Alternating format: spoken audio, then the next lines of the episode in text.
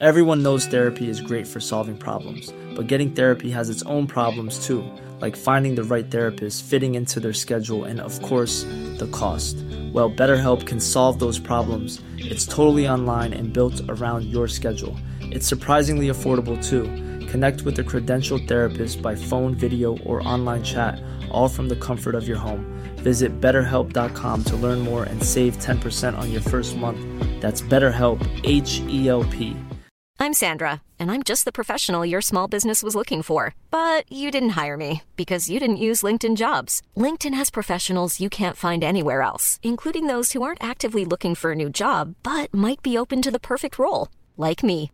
In a given month, over 70% of LinkedIn users don't visit other leading job sites. So if you're not looking on LinkedIn, you'll miss out on great candidates like Sandra. Start hiring professionals like a professional. Post your free job on linkedin.com/people today. There's never been a faster or easier way to start your weight loss journey than with PlushCare. PlushCare accepts most insurance plans and gives you online access to board-certified physicians who can prescribe FDA-approved weight loss medications like Wigovi and Zepbound for those who qualify. Take charge of your health and speak with a board-certified physician about a weight loss plan that's right for you. Get started today at plushcare.com slash weight loss. That's plushcare.com slash weight loss. plushcare.com slash weight loss. I slutet av 2016 inkom alltså uppgifter till polisen om att det skulle vara Rasmus som mördat Albin.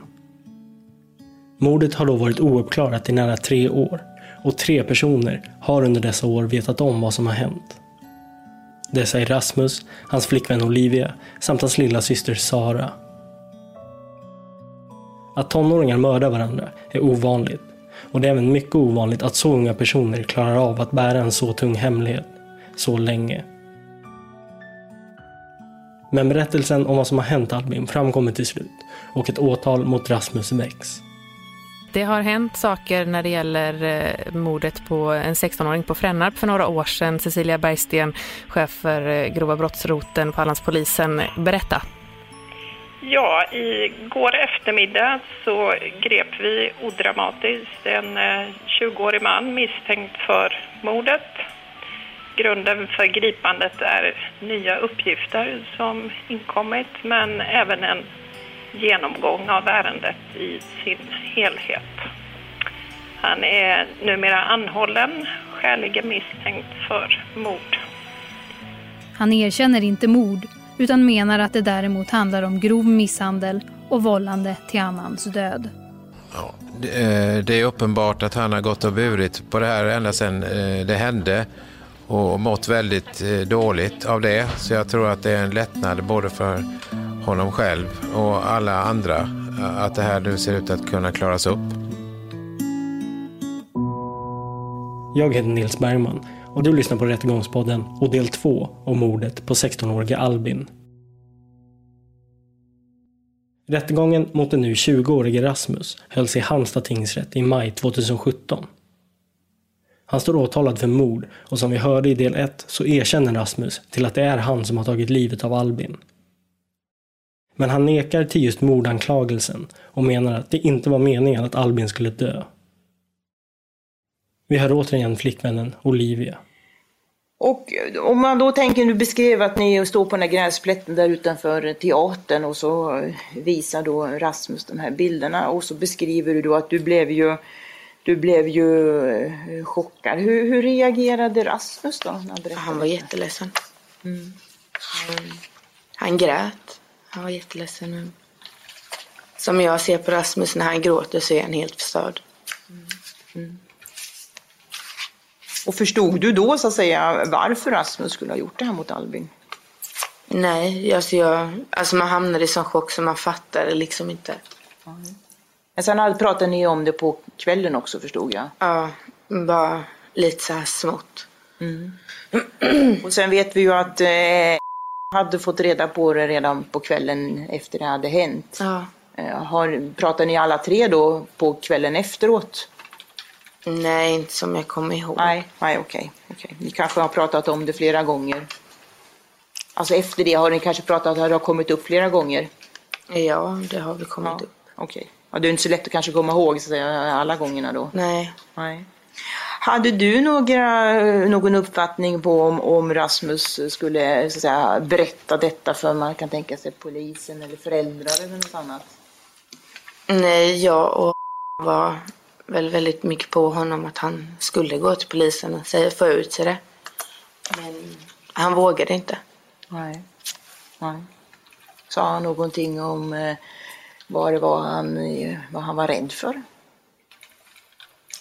Nej, han gick inte in på exakt allt. Han sa bara att han var rädd. Liksom. Och Han var rädd att förlora hans storebror och hans mamma. Mm. Att de skulle vara arga på honom. Ja, och för din egen del då, har du så att säga berättat detta eh, för någon? Nej. Det har du inte eller? Nej. Hur tycker du om man tänker för din egen del? Hur har det så påverkat dig under den här tiden tycker du? Jo, man har ju inte mått speciellt bra. Det är självklart att man mår inte bra av att veta någonting. Man har ju, jag har varit sjukskriven och ja, så till och från hela tiden sedan 2014. Och Rasmus då, har du märkt eh, hur han har, om han har reagerat och i så fall hur? Ja, han hoppade av skolan, han skötte inte sig, han lyssnade inte. Han var med i sin egna bubbla. Hur har du själv så att säga, tyckt nu när det här har så att säga, kommit fram? Har du haft några funderingar på eller hur har, vad har du tyckt om det? Det är väl skönt att släppa, släppa det. Alltså släppa bomben, alltså kunna berätta och vara ärlig och prata ut om det. Att sanningen nu tycks komma fram upplevs för de inblandade som lättande. Tuffast har det självklart varit för Albins familj, som i den här tragedin även fått leva i ovisshet så pass länge. Så vi tar detta i den takt det går. Mm, absolut. Albins föräldrar är och har varit skilda länge, men när Albin levde bodde han mestadels hos sin mamma. Men Albin och hans pappa hade ändå en bra kontakt med varandra. Och då var han hemma hos mig ganska mycket för han skulle egentligen bara vara hemma hos mig på helgerna, varannan helg. Men han var hemma hos mig nästan varje helg. Och Vi var ute och hade, fiskade mycket, hade jättemysigt. Eh, Albins mamma pratar ju här någonting om någon diagnos. Vad är din, din uppfattning om hans problem? Ja, men det var absolut det. Det var ju här han hade ADHD. Han hade svårt att sitta still, eh, koncentrera sig. Och Det känner jag också igen eh, från skolan när man hade svårt att sitta still och sånt här. Det... Absolut att han hade koncentrationssvårigheter och väldigt sprallig. Fick du dödsbudet? Mm, jag hade varit eh, uppe i Plönningeskolan hos Sida. De hade haft sån här eh, öppet hus. Och eh, jag och min fru då, dåvarande fru, vi var tvungna att åka iväg tidigare. Jag kommer inte ihåg exakt vad klockan var. Och när jag hade haft provningen, kommit hem, så gick det väl en halvtimme, timme, så ringde telefonen och då var det min brors före detta flickvän som ringde och frågade vad som hade hänt Albin. Hon sa att han, Albins kusin, hon eh, låg uppe på andra våningen och grät och sa att Albin var död. Hon sa att det, alltså det, det är ju inget roligt skämt om, så här skämtar man inte om, sa jag. Jag blev förbannad. Och så sa han, nej men det, det är något som har hänt.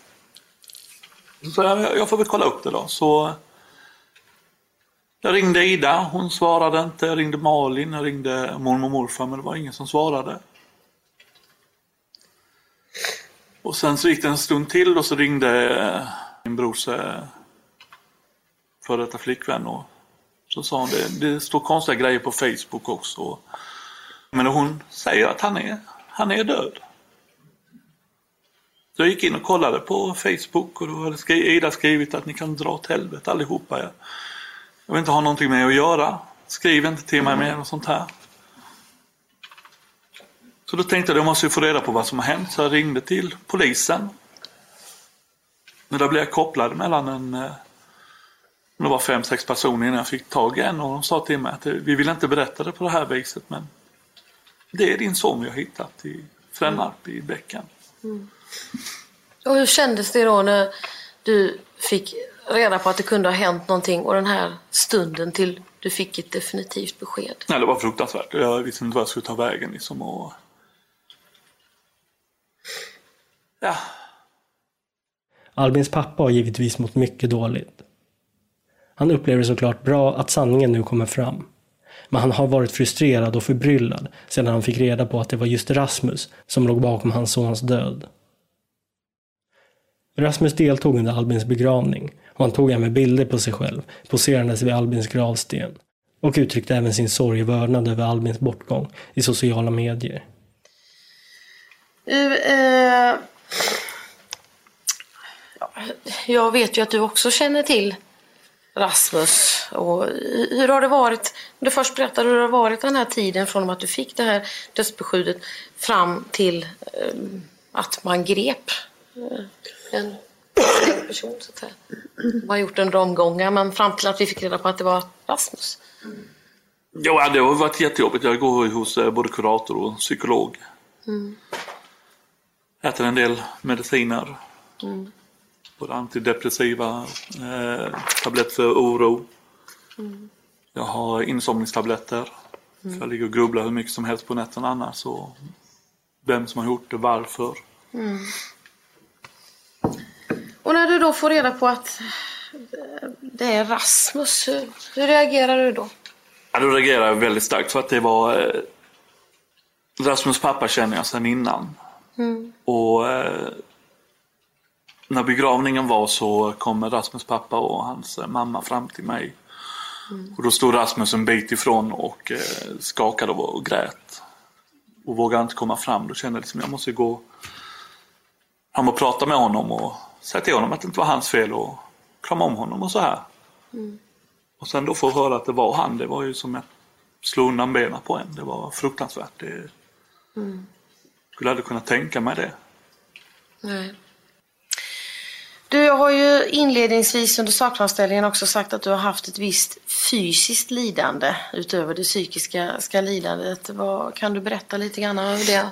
Ja, det- jag åkte på en eh, hjärtinfarkt. Mm. Och eh, stressen här när jag fick reda på att det var eh, Rasmus som hade gjort det. Mm. Så eh, jag åkte in och fick göra sån här eh, kranskärlsröntgen. Mm. Så de har gjort två stycken på mig. Mm. Hur har du mått? Fysiskt och psykiskt? Ja, den här tiden. Nej, det är ju jättejobbigt. Det är ju fortfarande jobbigt. Och, Och hur går man vidare? Om man nu kan göra det. Hur har du gjort? det som hållit mig uppe det är ju Eida, min lilla femåring. Mm. Och hur känns det att sitta här idag? Eller de här dagarna?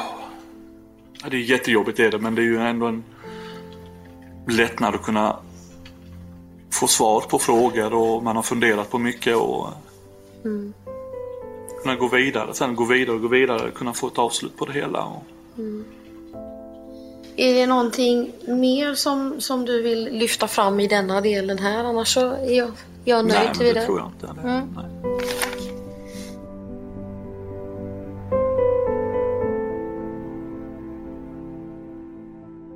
Det är i slutet av 2016 som Rasmus lillasyster Sara är på en fest. Hon och Rasmus och Olivia har nu burit på vetskapen om vad som verkligen har hänt Albin i nära tre år. Men ingen av dem har mått speciellt bra under den här tiden, överhuvudtaget. Det är på den här festen där det spelas ett spel där man ska svara sanningsenligt på olika frågor och där Sara ska svara på frågan om vilken hennes största hemlighet är, som det brister. Hon säger att hon inte kan svara, men drar sedan sin kompis till sidan och anförtror sig till henne om vad hon vet om vad som hände med Albin. Ja, vi gick ut på hennes altan och då frågade jag vad det handlade om. Och då sa hon att det handlade om Rasmus då, att det var han som hade gjort det. Hur eh, reagerade du då? Reagerade du någonting just då? Jag blev bara jättechockad och trodde inte först på henne. Nej. Eh, Men sen så pratade hon bara bort det så jag ville inte pressa henne mer på att prata den dagen. Nej. Sen kom det upp senare och när var det då? Det var någon dag efter när vi åkte hem till mig. Så eh, tog hon upp det igen och sa att hon fattade inte att det var sant. Eh, och då frågade jag hur det hade gått till och varför han gjorde det. Mm. Hon sa bara att eh, han hade tagit ett stryptag på Albin. Mm. Eh, ja, det är det jag kommer ihåg att hon sa. Dagarna efter, när kompisen börjar inse allvaret i vad Sara berättat för henne, så berättar kompisen för sina föräldrar och de beslutar för att åka till polisen och berätta det de vet. Och det väcks nu nytt liv i utredningen. Sara och även Olivia kallas in till förhör och för polisen berättar de nu till slut det de vet. Vilket är samstämmigt med det vi hörde i deras förhör i förra delen. Att Rasmus visat bilder på den avlidna Albin och att han berättat att Albin dog av det strypgrepp han tog. En sak som står klart är att Sara och Olivia inte har mått bra av att bära på denna hemlighet. Och Rasmus själv har också mått väldigt dåligt. Och ingen mer än ni tre känner till detta. Kan du berätta lite grann hur du har kunnat liksom klara av detta? Jag, jag har inte kunnat klara av det. Jag har försökt ta självmord vid flertal tillfällen. Och Mm. sen har jag skadat mig själv och jag, har, jag började dricka mer. Jag, liksom, jag mådde så dåligt så jag tog till alkohol. Mm. Du var väl här, eh, vad var det, någon gång i slutet på november förra året som en eh, Securitas-vakt hittade på järnvägsspåret. Ja, Då blev du körd upp till Piva. ja. Ja. Hur många gånger utöver den gången som du sa att du hade försökt ta livet av dig? Tre. Ja. Har ni för sig försökt att förtränga detta eller har ni pratat mycket om det här? Eller har ni... Vi, vi har pratat om det. Ni har pratat om det? Mm. Och är det någon som har tyckt att vi måste berätta eller har ni varit överens om att ni ska försöka att hålla det här tyst? Det minns jag inte. Det minns du inte? Eller? Nej, nej. Men du har inte mått bra under den här tiden? Nej. Nej.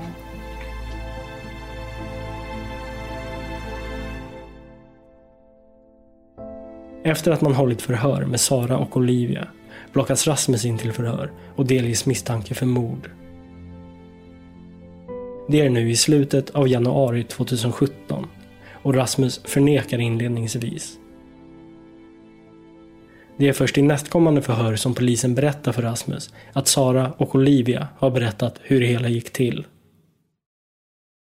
Men Rasmus fortsätter att neka fram till det fjärde förhöret. Och då är det Rasmus advokat som berättar vad Rasmus uppgett för honom om vad som har hänt. Han berättar att Rasmus slår Albin i ansiktet. Albin faller omkull och därefter tar han stryptag om honom. Men man tillägger att hans avsikt inte var att döda Albin. Och det kanske det inte var. Men man vill reda ut vissa uppgifter som hittas i Rasmus mobiltelefon. Sätta på eh, presentationsutrustningen presentationsutrustning.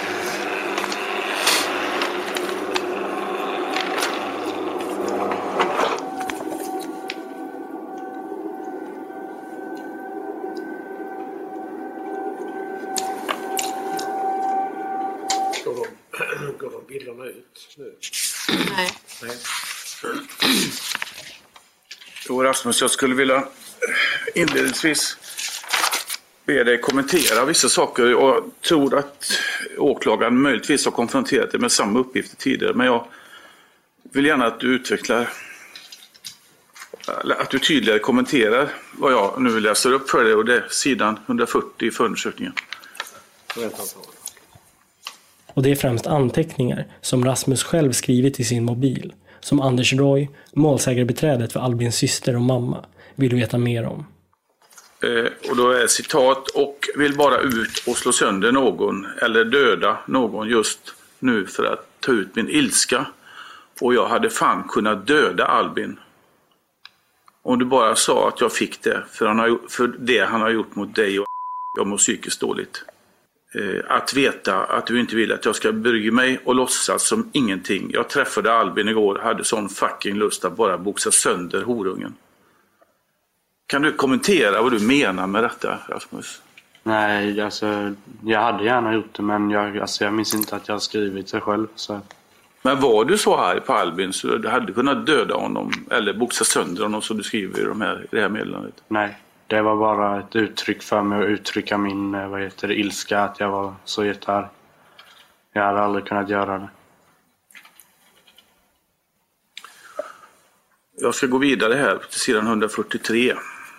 Och det är någon telefontömning i din telefon och du smsar med tror det. Förlåt att jag förstör allt, hatar verkligen mig själv för detta men jag har i alla fall sagt upp vänskapen med Albin. God natt, älskar dig. Har du, sa du upp bekantskapen med Albin någon gång? Jag tror inte det. Det måste du ändå veta om du gjorde. Nej, jag, jag minns inte. Det är så lång tid tillbaka så jag minns inte. Men under där, eran kamratskap, var det så att ni ibland sa upp bekantskapen med varandra och ibland var ni vänner? Ja, alltså vi bråkade ju. Och då, då, alltså ibland så kunde det ta några dagar och ibland flera veckor. Fast det förekommer ju i förundersökningen uppgifter där du talar om för att du inte ska umgås med Albin på fritiden. Ja, men det gjorde jag ändå. Ja. Men varför sa du så? till Det har jag ingen aning om. Alltså jag ville ju umgås med Albin eftersom han var som en lillebror för mig. Ville inte att du skulle umgås med Albin? Jag vet inte. Tror inte det. Vad sa du? Tror inte det. Eh, Men du måste väl ändå veta vad hon hade för uppfattning? Nej, jag- alltså det, jag minns ingenting.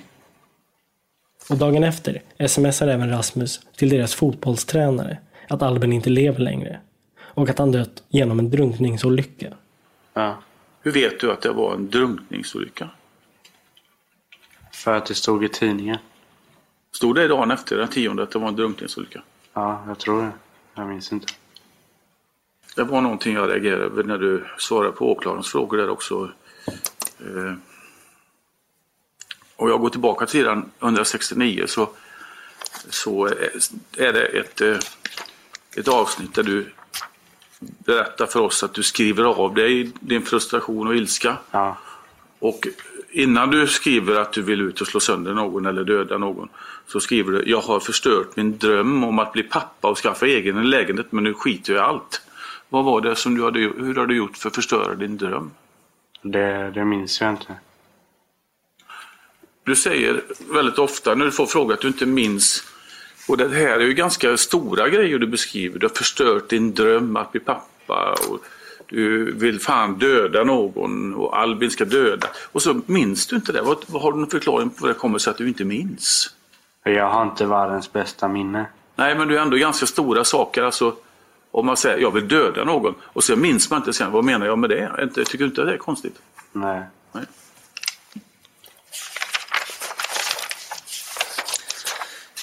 Du, eh, om vi tar oss tillbaka till platsen för händelsen där Alvin då dog. Så berättar du att ni kommer ner till den här platsen. Och så frågar du honom om han har tagit bort korten på din lilla syster ur sin telefon. Och då har han inte det för han har inte haft tid. Och då blir du arg. Nej, först put, du tar hans telefon och så puttar han dig. Och då är det en sak som jag har undrat över ända sedan jag läste det. Du, jag har ju också beskrivit idag att ni har aldrig slagits Albin och du. Nej. Men den här dagen, den 9 maj 2014, så puttar han dig. Och då blir du så arg. Så att du slår ett knytnävsslag i ansiktet på Albin. Som är så hårt så att han går ner på knä. Ja. Vad kommer det sig? Men Ni har aldrig brukat våld säger du mot varandra. Men den här dagen så blev du så arg. För att eh, min bägare eller ryggsäck så att säga rann över. Hade, hade ni inte kunnat diskutera detta då? Jo. Men jag, alltså, jag kunde inte styra mina känslor. Jag försökte verkligen. Är det skälet till att du brottar ner honom sen när han försöker ställa sig upp? Att du inte kan styra dina känslor? Ja. Och är skälet till att du tar ett stryptag på honom då? Det är att jag inte kan styra mina känslor. Ja, vad är din... Vad tänker du på när du tar ett stryptag på Albin? Alltså, mycket att han har våldtagit och sen bilderna på min syrra. Så det är ilska som gör att du tar det här stryptaget? Ja. Du är så arg så du sätter igång och strypa honom? Ja. När slutade du strypa honom? Det minns jag inte. Jag fick en blackout. När upphörde den blackouten? Det är svårt att säga eftersom jag inte minns hur lång tid jag var borta. Nej, men om du placerar in det i händelseförloppet, för du kommer ju ihåg att du har tagit ner honom till vattnet. Ja. Då hade du inte blackouten kvar, eller? Nej. Nej. Så den är mellan stryptaget och det till dess du börjar bära Albin ner? Ja. Är du säker på att du bär ner honom? Ja.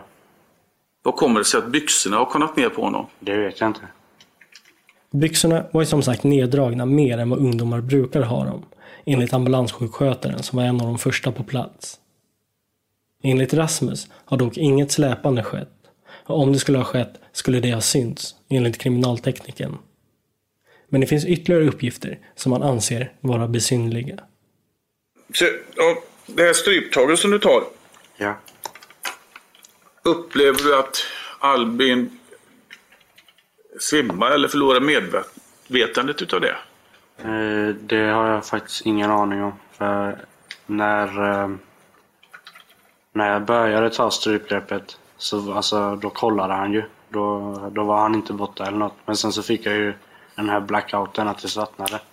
Så när jag kom ut från den här svartningen, eller vad man nu ska kalla det, så, så rörde han sig inte. Så alltså, jag vet inte om han hade svimmat eller vad. Andades han? Det vet jag inte. Jag inte. Hade han någon puls? Ja, det kollade jag inte heller.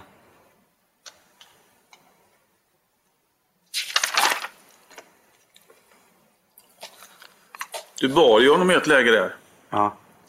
Var han helt lealös då eller? Ja.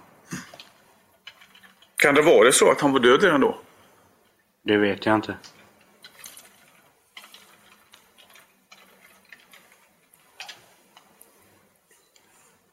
När du la honom i vattnet, är det framstupat sidoläge då? Nej, alltså det vet jag ju inte. Alltså, på sätt och vis är det ju det, tror jag.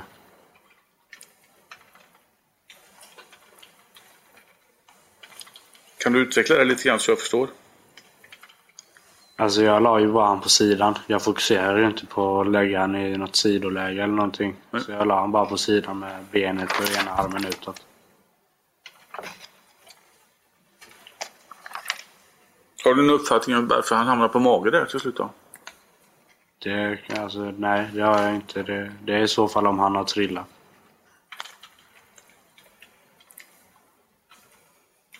Har du en uppfattning om han fick den här sårskadan i pannan? Nej, det vet jag inte. Inte vad jag minns. Hur Albin fick sårskadan på pannan är fortfarande oklart. Men det är än mer förbryllande att ambulanssjukskötaren vittnar om hur Albin låg på mage. Om än dock i något slags framstupa sidoläge när han hittades. Man får inte riktigt ihop det här med hur eller när Albin ska ha vänt på sig. För Rasmus själv menar att han lämnar honom mer på sidan. Och av bilderna att döma som Rasmus tar på Albin och som Sara och Olivia får se på så ligger Albin enligt deras uppgifter helt klart på rygg. Visst kan Rasmus ha tagit bilderna när han varit mitt uppe i hanterandet av kroppen. Men att i stundens hetta ta en paus för att ta bilder på Albin som ligger på rygg rimmar i alla fall dåligt med Rasmus egna berättelse. Som mycket kretsar kring att han där och då gör allt han kan för att få Albin att börja leva igen. Han berättade ju att han bland annat gjort hjärtmassage på Albin samt att anledningen till att han bar honom närmre vattnet var för att enklare kunna skvätta vatten i ansiktet på honom. Men allt det här rimmar förvisso också dåligt med att han sedan inte gör någonting mer för att påkalla hjälp. Eh. Jag vet ju att du svarar på varför du inte ringde efter ambulans eller polis eller ja, 112, tror jag åklagaren uttryckte det.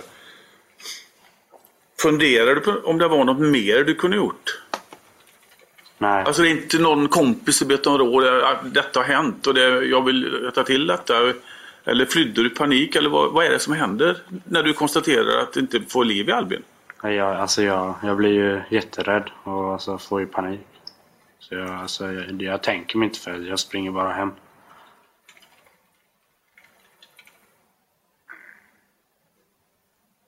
Vad är det som gör att du inte ringer till polisen dagen efter då?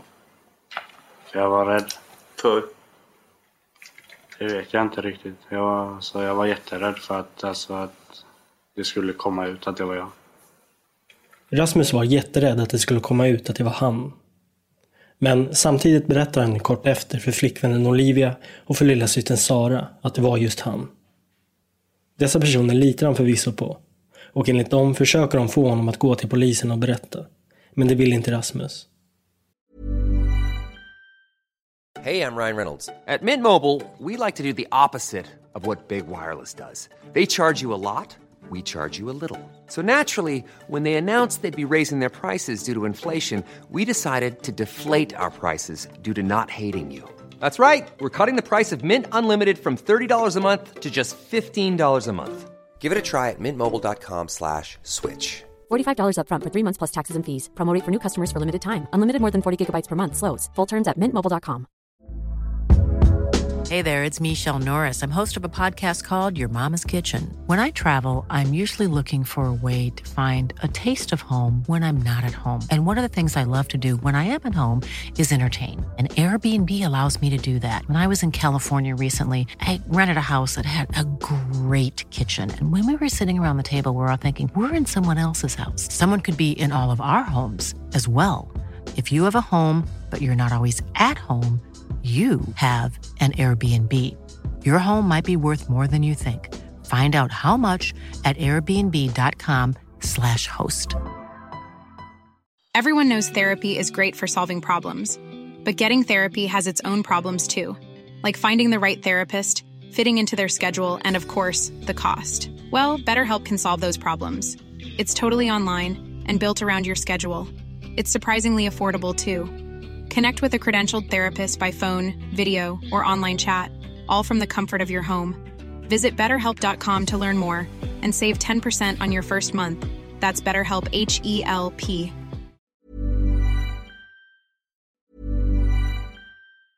Hey, it's Danny Pellegrino from Everything Iconic. Ready to upgrade your style game without blowing your budget? Check out Quince. They've got all the good stuff shirts and polos, activewear, and fine leather goods, all at 50 to 80% less than other high end brands. And the best part? They're all about safe, ethical, and responsible manufacturing. Get that luxury vibe without the luxury price tag. Hit up quince.com slash upgrade for free shipping and 365 day returns on your next order. That's quince.com slash upgrade. Planning for your next trip? Elevate your travel style with Quince. Quince has all the jet setting essentials you'll want for your next getaway, like European linen, premium luggage options, buttery soft Italian leather bags, and so much more. And is all priced at 50 to 80% less than similar brands. Plus, Quince only works with factories that use safe and ethical manufacturing practices. Pack your bags with high-quality essentials you'll be wearing for vacations to come with Quince. Go to quince.com/pack for free shipping and 365-day returns. Och Rasmus förhördes av polisen redan samma dag som Albin hittas död. Han berättar då att han var vid 035-huset, att han träffade Albin där och att han sen gick iväg med Albin. Men han menar att Albin sen blev något arg, ville vara ensam och bad Rasmus gå sin väg. Vilket han säger att han till slut också gjorde. Han hörs även igen dagen efter på söndagen och berättar då i princip samma historia. Den 16 maj plockas han återigen in på förhör och han informeras om att syftet med förhöret är att tömma hans mobiltelefon, vilket man också gör. Under förhöret tillfrågas också Rasmus om han de senaste dagarna hört någonting nytt som skulle kunna vara till nytta för polisens utredning. Rasmus berättar då att han genom en kompis kompis flickvän hört att man på hennes skola pratar om att tre personer med utländsk bakgrund på något sätt haft med Albins död att göra. Han uppger att han dock inte vet mer än så. Det är nu Rasmus försvarsadvokat Göran Rutberg som ställer frågorna. Du stod Albin nära. Uh, hade, hade, hade ni andra gemensamma vänner? Ja, där på 035. Vi brukade hänga där och då var det många av våra vänner som var där. Mm. Hur var det för, hade ni folk som inte gillade er? Ja, alltså jag hade ju en hel del fienden alltså, som inte gillade mig på grund av att jag var som jag var. Och sen så Albin hade ju också en hel del. På vilket sätt, eh, på vilket sätt var du som du var? Hur menar du då? Jag var mycket sån som var ute och slogs. Liksom ville visa mig dominant. Har du, var det så? Ja. Mm. Och hur, hur var det med Albin då? Var han, eh, vad hade han för ovänner och varför hade han det? Nej, Albin hade ju samma. Alltså, han hade ju också för att han gillade att vara ute och slåss. Liksom. Vi, vi var mycket ett team, jag och Albin. Alltså, hände det någonting med han så hjälpte jag han. Hände det någonting med mig så, så hjälpte han mig. Liksom. Och sen så hade han andra då, fienden inom att han hade skulder hos folk som han sålde till exempel spice till. Men så var det bara vanlig tobak eller något sånt. Han hade mycket skulder därigenom. Albin sålde, sålde Spice du till folk och då hade han skulder hos dem eller vadå? Ja, alltså han, han skulle sälja Spice till exempel. Men Okej. så sålde han bara vanlig tobak. Okej. Och eh, då gillade inte folk honom såklart. Av den anledningen. Ville man komma åt honom då eller var det, Ja. fanns det något hot mot honom? Ja, ja, det gjorde det. Alltså jag och jag. Sen vet jag inte om det var som var med. Så satt vi på Österskans med Albin då. Så kom det några killar och så tryckte de upp honom mot eh, busskuren och sa... Så handlade det om knark. Vad tyckte du om det här som du nu beskriver att eh, om Albin höll på med sånt här? Vad tyckte du om det? Nej, jag, jag tyckte det var för jävligt. Jag hade, jag, jag hade bett honom sluta. Du... Eh, eh, du vet ju att när den här händelsen har, eh, har inträffat så har det varit oerhört mycket spekulationer om vad det är som faktiskt har hänt. Ja. Eh, kompisar har pratat med varandra. Det har skrivits en massa av olika sammanhang på sociala medier. Ja. Folk påstår sig ha vetskap om vad det är som har hänt och ryktena sprids. Är det här någonting som du har följt? Nej. Eh, fanns det några personer som du tror skulle vilja Albin väldigt illa? Ja, men jag vet inte vad de heter. Nej. För det har funnits spekulationer om att det skulle vara andra människor som är inblandade i det som har hänt med Albin. Har du någon kännedom om detta? Nej. Är det någon som har varit med vid tillfället när du har gjort det som du beskriver? Nej, jag var själv. Du var själv? Ja. Så det är ingen annan som har gjort någonting mot honom? Nej. Vid det tillfället? Nej. Eh, du fick ju någon fråga här utav advokat Roy om hur det var med, med, med Albins byxor. De var neddragna. Och då svarade du att det är ingenting som jag har gjort. Ja. Hur skulle de kunna ha dragits ner? Det vet jag inte. Är det någon annan som kan ha gjort det? Alltså, kan kan det ju vara, men alltså, det vet ju inte jag. Nej, men när skulle det ha skett? Skulle det ha skett samtidigt som du är på platsen eller? Nej, alltså jag såg ju ingen där. Nej. Jag var ju själv. Eh, du fick, eh, du hörde när åklagaren eh, berättade om händelseförloppet eh, när man hade gått igenom Albins telefon. Så tror jag man sa att, sa att eh, simkortet saknades. Ja.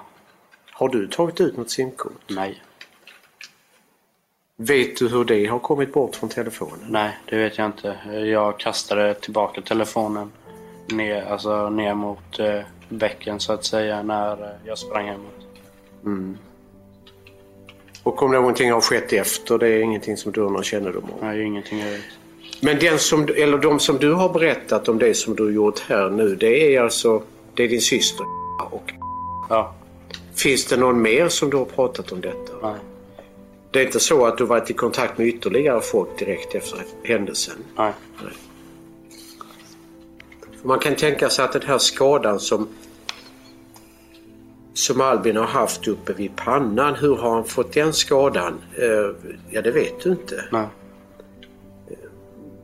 Du säger att du har inte släpat honom. Nej. Då skulle man kunna tänka sig att han har slagit i någonting, någon sten eller något annat på marken. Men det är inte så det har gått till. Nej. Men du har inget minne av att du har gjort mer än det som du har berättat om? Nej. Du är arg på Albin för det som han har gjort mot och detta med bilderna på Ja. Vet du vad det är för bilder? på? Nej. Har du hört talas om vad det skulle kunna vara för bilder? Ja, nakenbilder. Om ett slag.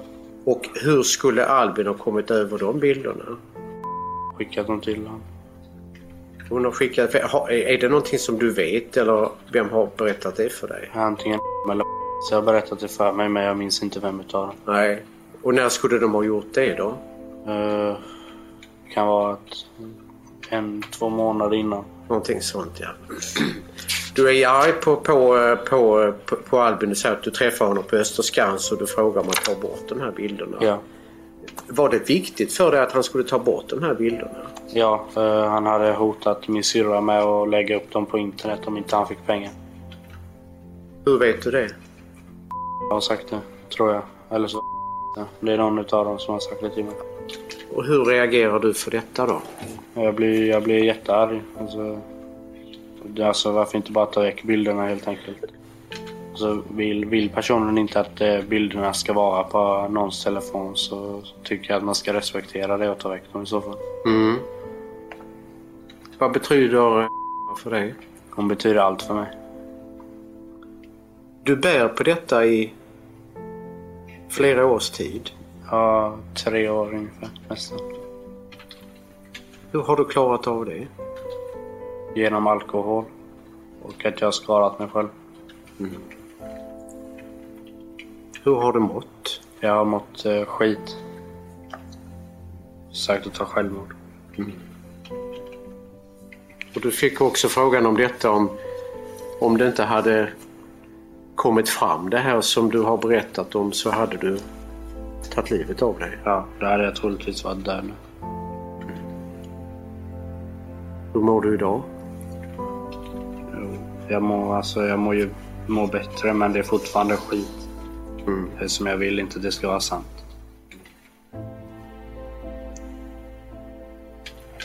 Jag har frågat dig flera gånger, eh, eller mängder med gånger under den här utredningen och jag har tagit upp det redan idag. Eh, finns det någonting som inte stämmer i det du har berättat? Nej. Finns det någon annan eller några andra personer som har del i detta som du inte vill berätta om? Inte vad jag vet. Vad menar du med inte vad jag vet? Jag, jag vet ju inte om det, har- att, om det har varit några andra där. För när det hände så var det bara jag. Ja, men vad menar du med andra skulle varit där? Menar du mest det här händer eller är det efter förloppet du menar? Alltså när det händer. Att det skulle funnits ytterligare personer på plats när det händer? Ja, men nu var det ju inte det eftersom att jag, jag var själv. Du, ja, och det vet du att det var så? Ja.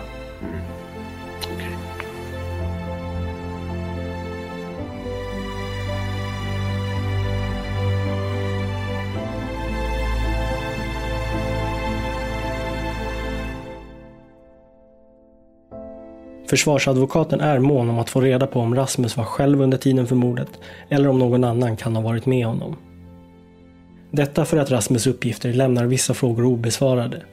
Som till exempel hur det kommer sig att Albin hittades på mage, varför hans byxor var neddragna samt hur det kommer sig att Albins mobiltelefon saknade ett simkort.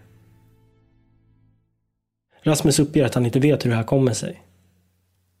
Och gällande mobiltelefonen så uppgav även Albins syster Ida i ett polisförhör att Albins konton på olika sociala medier stängdes av kort tid efter att Albin dog. Vilket de såklart tyckte var väldigt märkligt. Så det finns en del oklarheter. Och en person som både har och har haft insyn i Rasmus liv är Olivia. Då är det advokaten Anders Horg. Tack. Eh, det här när Albin skrev till och sa att eh, hon skulle skicka fler bilder. Eh, annars skulle han publicera de bilder han hade. Var skrev Albin det någonstans? Messenger på Facebook. Han sa att det var på Snapchat. Ja, nej, det har jag inget minne utav att det var. Sen säger du att eh, Rasmus hade sagt till dig att du inte behövde oroa dig för Albin längre. Var, var, var du orolig för Albin? Var du rädd för Albin på något sätt? Nej, men det är väl inte, det är väl inte så behaglig känsla för det han har gjort mot mig.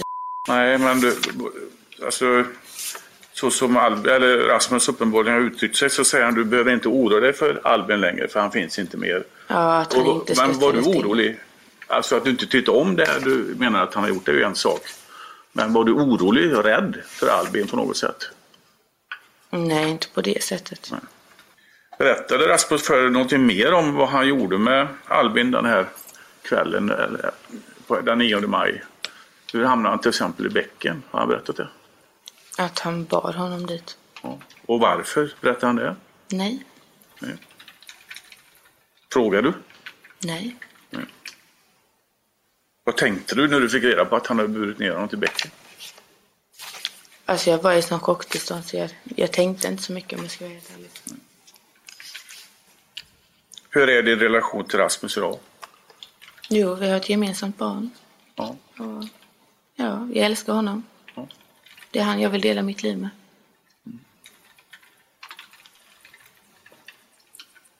Jag har inga fler frågor. Rasmus och Olivia är alltså än idag fortfarande ett par. Och de har även ett barn tillsammans. Och Rasmus försvarsadvokat Göran Rutberg är intresserad av att höra mer om hur Olivia har uppfattat Rasmus under den här tiden. Men ni har ju levt, eh, levt ihop för tiden efter och eh, det är ju rimligen så måste ju det här kommit upp ett antal gånger när ni har pratat. Ja. Har, har Rasmus sagt någonting eh, mer kring det som har hänt? När ni har pratat efter? Nej, alltså inte så. Det är väl mer jag som har frågat honom. Om han har varit själv och ja, så. När man frågar han har det varit själv så blir han oftast arg, sätter sig vid datorn. Ja, jag har varit själv och sätter sig vid datorn med headsetet på eller så går han ut och röker eller sådär. Vad menar du med att jag har varit själv? Alltså han var själv när han gjorde det. Mm. Ja, du, du vet ju också precis allt det här skriverierna och spekulationer som har varit Ja. ute på eh, ofantligt mycket på media. Ja. Och alla vet vad som har hänt eh, Ja. utom polisen ungefär. Mm. Vad vet du då? Vet, vet du något om det skulle vara någon mer inblandad? Nej, alltså jag har ju bara hört att det ska finnas mer men sen vad Rasmus säger det Mm. är en annan sak. Jag tror inte att han skulle vara själv. Nej. Det är ju min uppfattning. Alltså, och, vad, vad, och vad grundar du det på att du tror inte att han skulle vara själv om detta? Nej, jag tror inte att han... Nej, alltså det tar för lång tid. Allting liksom... Alltså att han ska ha gått dit och, och ändå var han hemma vid nio och alltså... Du får inte ihop det där riktigt. Nej, jag får inte. Men, men eh, det är dina egna funderingar? Att, det- Ja, att, sen är det bara det man har hört liksom. Precis. Mm, precis.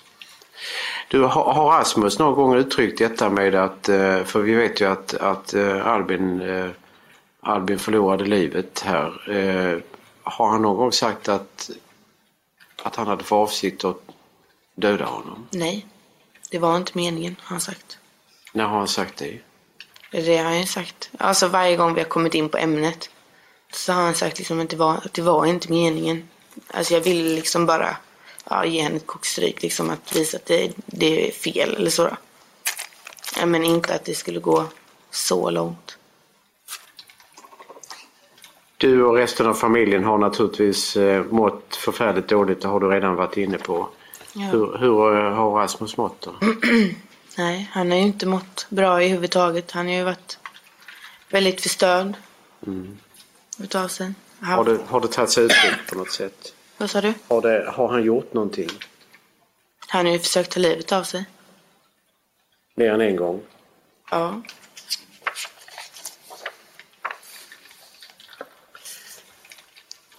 Du, jag, hoppar tillbaka på en grej. Du, har, har du sett Rasmus bli sådär jättearg vid något tillfälle? Mm, ja. Och eh, får man uppfattning, vad, vad, vad, kan han, vad kan han göra då? Alltså det enda jag vill, alltså, har sett så, det är liksom att han drar tag liksom och liksom försöker prata. Du ska ha kontakt liksom med honom för att han ska, ska se att du för, lyssnar på honom. Och sen vet jag bara att han kan liksom bara putta dig ifrån liksom. Och sen har jag sett något slag liksom sådär, men det har inte varit något stort eller så. Tack så mycket. Åklagaren, fler frågor? Nej tack. Någon ytterligare från Göran Rydberg? Rättegången avslutades i mitten av maj 2017 och åklagaren hade yrkat på att Rasmus skulle dömas för mord till fem års fängelse. Men döms av tingsrätten för mord till fyra års fängelse. I domen står det att det är, mot bakgrund av vad som redovisats, bevisat att Rasmus våld bestått i att Rasmus tilldelat Albin knytnävsslag i ansiktet, tagit stryptag runt Albins hals och utsatt hans huvud och överkropp för upprepade slag med något trubbigt föremål eller bankande mot ett trubbigt underlag. Rasmus har sedan lagt Albin i vattnet. Rasmus har invänt att han inte haft uppsåt att döda Albin. Ansvar för mord eller dråp förutsätter att gärningsmannen handlat med uppsåt och att uppsåtet omfattat effekten att den angripne skulle dö. Det är inte bevisat att Rasmus haft för avsikt att döda Albin. Rasmus handlande har inte varit reflexmässigt eller annars ofrivilligt. Men han har uppgett att han tog ett strypgrepp runt Albins hals med båda händerna. Han har också uppgett att han bar Albin ner till bäcken och att han la honom i vattnet. Det är alltså klarlagt att Rasmus visste vad han gjorde.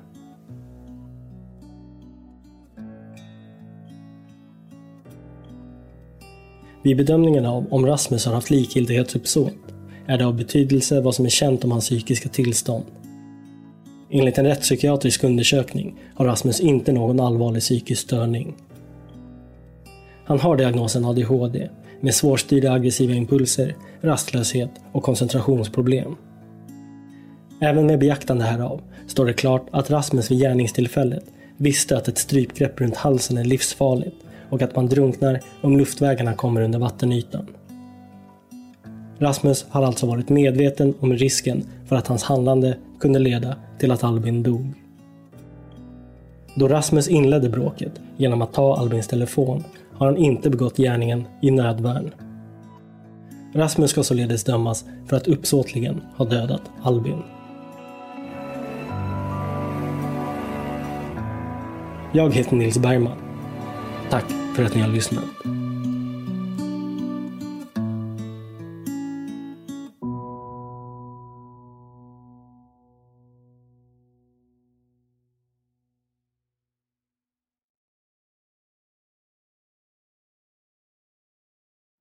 Rättegångspodden är en Tall Tale produktion. Ansvarig utgivare är Jonas Häger. Och Rättegångspodden görs i samarbete med Lexbase. Ange rabattkoden Rättegångspodden när du blir ny betalande medlem på lexbase.se och få tre kostnadsfria domar.